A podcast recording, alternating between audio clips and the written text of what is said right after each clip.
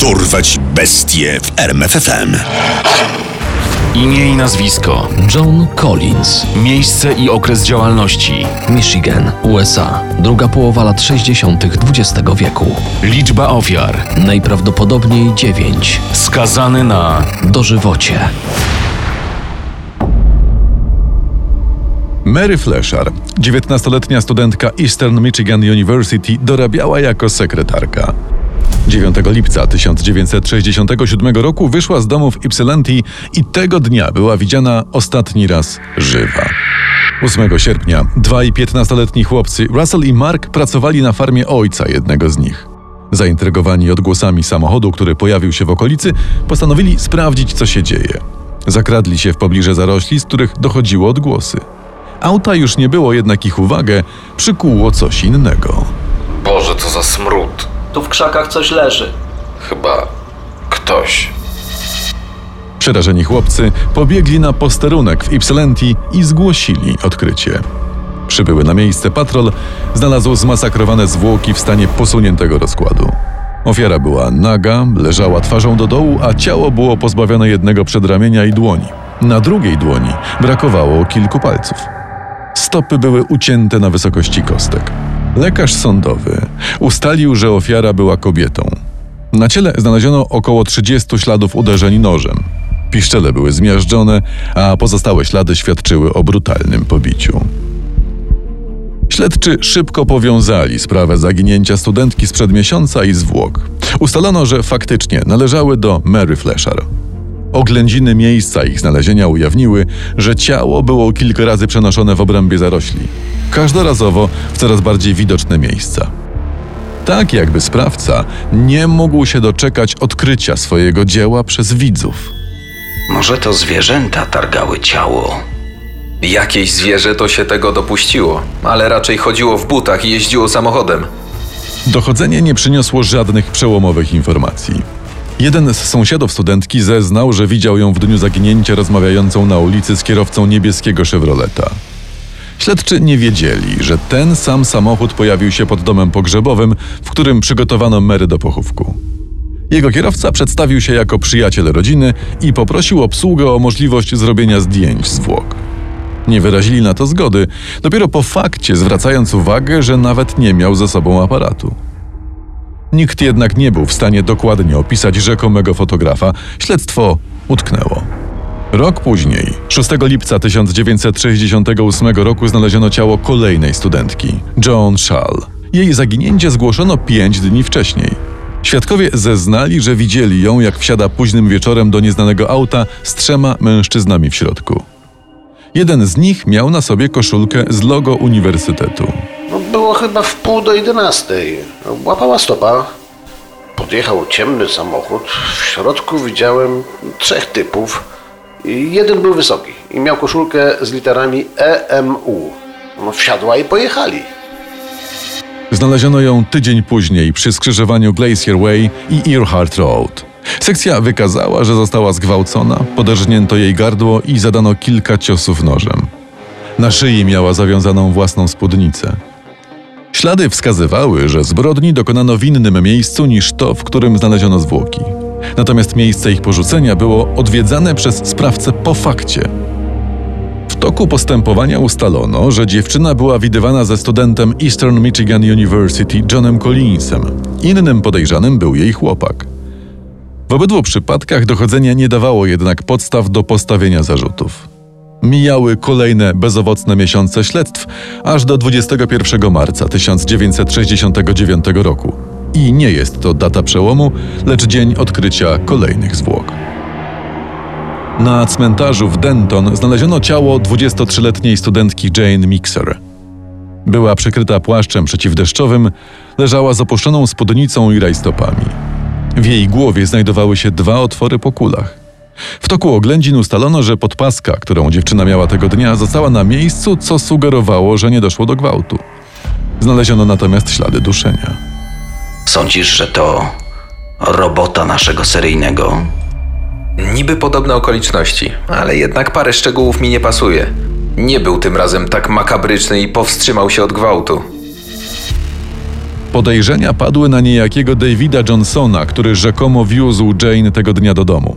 Jednak policjantom nie udało się znaleźć człowieka o takich personaliach, który pasowałby do okoliczności.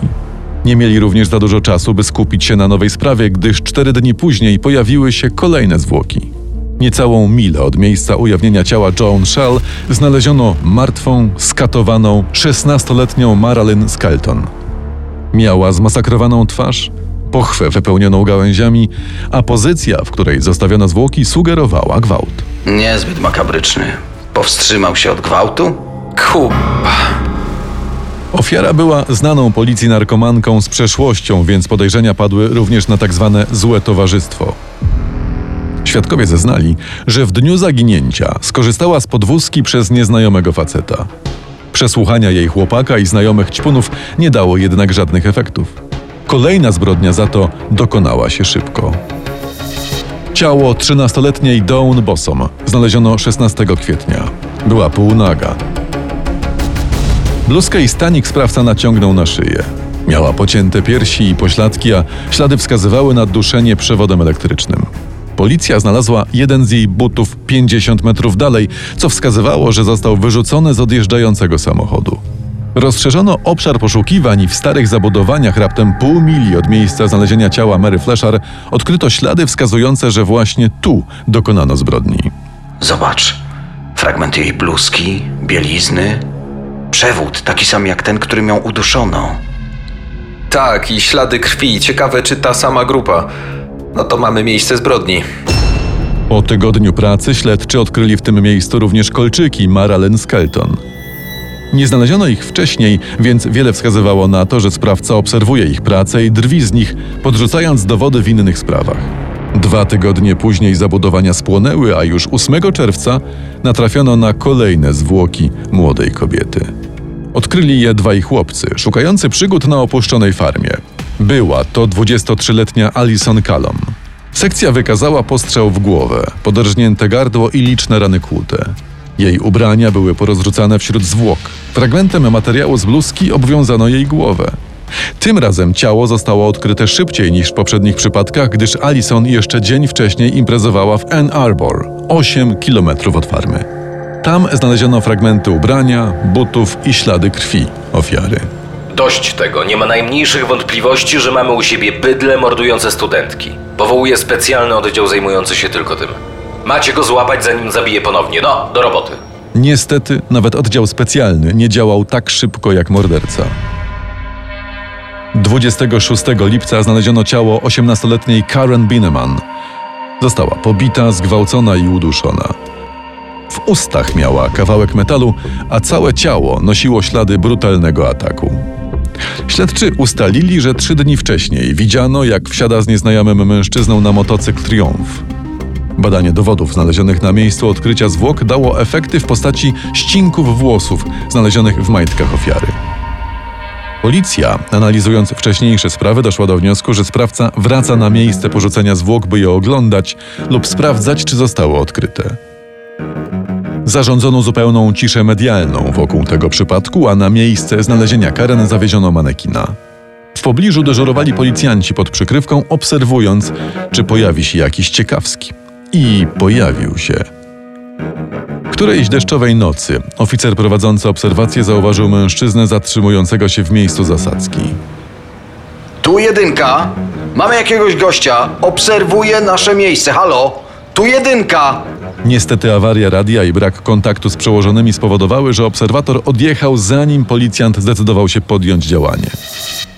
Tymczasem dzięki zeznaniom świadków udało się sporządzić portret pamięciowy kierowcy motocykla Triumph. Dotarł on do jednego z oficerów pracujących nad sprawą, Larego Matthewsona, który kiedyś wcześniej przesłuchiwał Johna Collinsa. Wizerunek sporządzony przez rysownika pobudził wspomnienia. Policjant wypożyczył od byłej dziewczyny Collinsa jego zdjęcie i pokazał kobiecie, która widziała kierowcę motocykla. Tak, to chyba on, w zasadzie tak. Bardzo podobny. To wystarczyło, by Matthewson postanowił przyjrzeć się Collinsowi bliżej. Niestety był młody i niedoświadczony. Jego niespodziewana wizyta u podejrzanego nie dała żadnych rezultatów, ten natomiast zyskał jasny sygnał o zainteresowaniu śledczych. Nie miał zamiaru marnować czasu. Jak wykazały późniejsze ustalenia, szybko zaczął sprzątanie domu swojego wujka policjanta, w którym mieszkał podczas wakacji. Kapral David Lake wraz z żoną i trójką dzieci niedługo potem wrócił. Informacje o zainteresowaniu policji Collinsem dotarły także do niego. Nie wierzył w to, ale targany złym przeczuciem przyjrzał się bliżej domowi, który zostawił pod jego opieką. W piwnicy zauważył świeże plamy po farbie. Zaczął je zdrapywać i pod nimi odkrył plamy przypominające te po krwi. Cześć, tu Lake. Moglibyście przysłać techników do mnie? Znalazłem coś niepokojącego w piwnicy. Przybyła na miejsce ekipa pobrała próbki, które natychmiast zostały poddane badaniom. Okazało się, że był to lakier. Kiedy Lake powiedział o tym Collinsowi, ten się rozpłakał, co wzbudziło jeszcze większe wątpliwości jego wujka. Tymczasem śledczy dalej działali w piwnicy. Zabezpieczono próbki włosów, które prawdopodobnie należały do dzieci kaprala, gdyż właśnie tam strzygła je jego żona. Zabezpieczono również mikroskopijne ślady krwi. To analiza tych drobnych pozostałości materiału spowodowała, że śledczy 30 lipca 1969 roku zdecydowali się aresztować Collinsa. Samochód nieźle odpisował. Ale zobacz to. Krew? Dokładnie. Badania potwierdziły, że ślady krwi należały do Alice Callum. W samochodzie znaleziono również włókna pasujące do paska, którym uduszono inną ofiarę, Roxy Phillips. Kolejno przeszukano domy i mieszkania, w których przebywał Collins. Jeden z jego współlokatorów zeznał, że ten, gdy tylko zainteresowała się nim policja, wyniósł z domu skrzynię z jakimiś rzeczami i gdzieś wywiózł. Proces Collinsa ruszył 30 lipca 1970 roku. W jego toku ustalono, że także włosy znalezione w piwnicy kaprala Lejka pasowały do tych znalezionych w majtkach Karen Bineman. Podczas przesłuchań świadków kilkoro z nich potwierdziło, że to Collins był kierowcą motocykla, na który wsiadła. Linia dowodowa stawała się coraz bardziej twarda, a obrona nie dysponowała żadną solidną strategią, która mogłaby pomóc oskarżonemu. Tym bardziej, że w toku prześwietlania przeszłości Collinsa wychodziły na jaw kradzieże, włamania i inne drobniejsze przestępstwa. Nie był tym młodym, grzecznym, przystojnym studentem, na jakiego pozował, co razem z ciężkimi dowodami w sprawie zbrodni, za którą był sądzony, zaowocowało wyrokiem ogłoszonym 19 sierpnia 1970 roku. W sprawie zabójstwa Karen Sue Bainman ława przysięgłych uznaje Johna Normana Collinsa winnym. Sąd wymierza oskarżonemu karę dożywotniego pozbawienia wolności bez możliwości zwolnienia warunkowego. Pomimo wielu poszlak i dowodów nie udało się postawić Collinsa przed sądem w sprawie pozostałych przypisywanych mu morderstw. On sam do dziś utrzymuje, że jest niewinny. Poznaj sekrety największych zbrodniarzy świata. Dorwać bestie w RMFFM.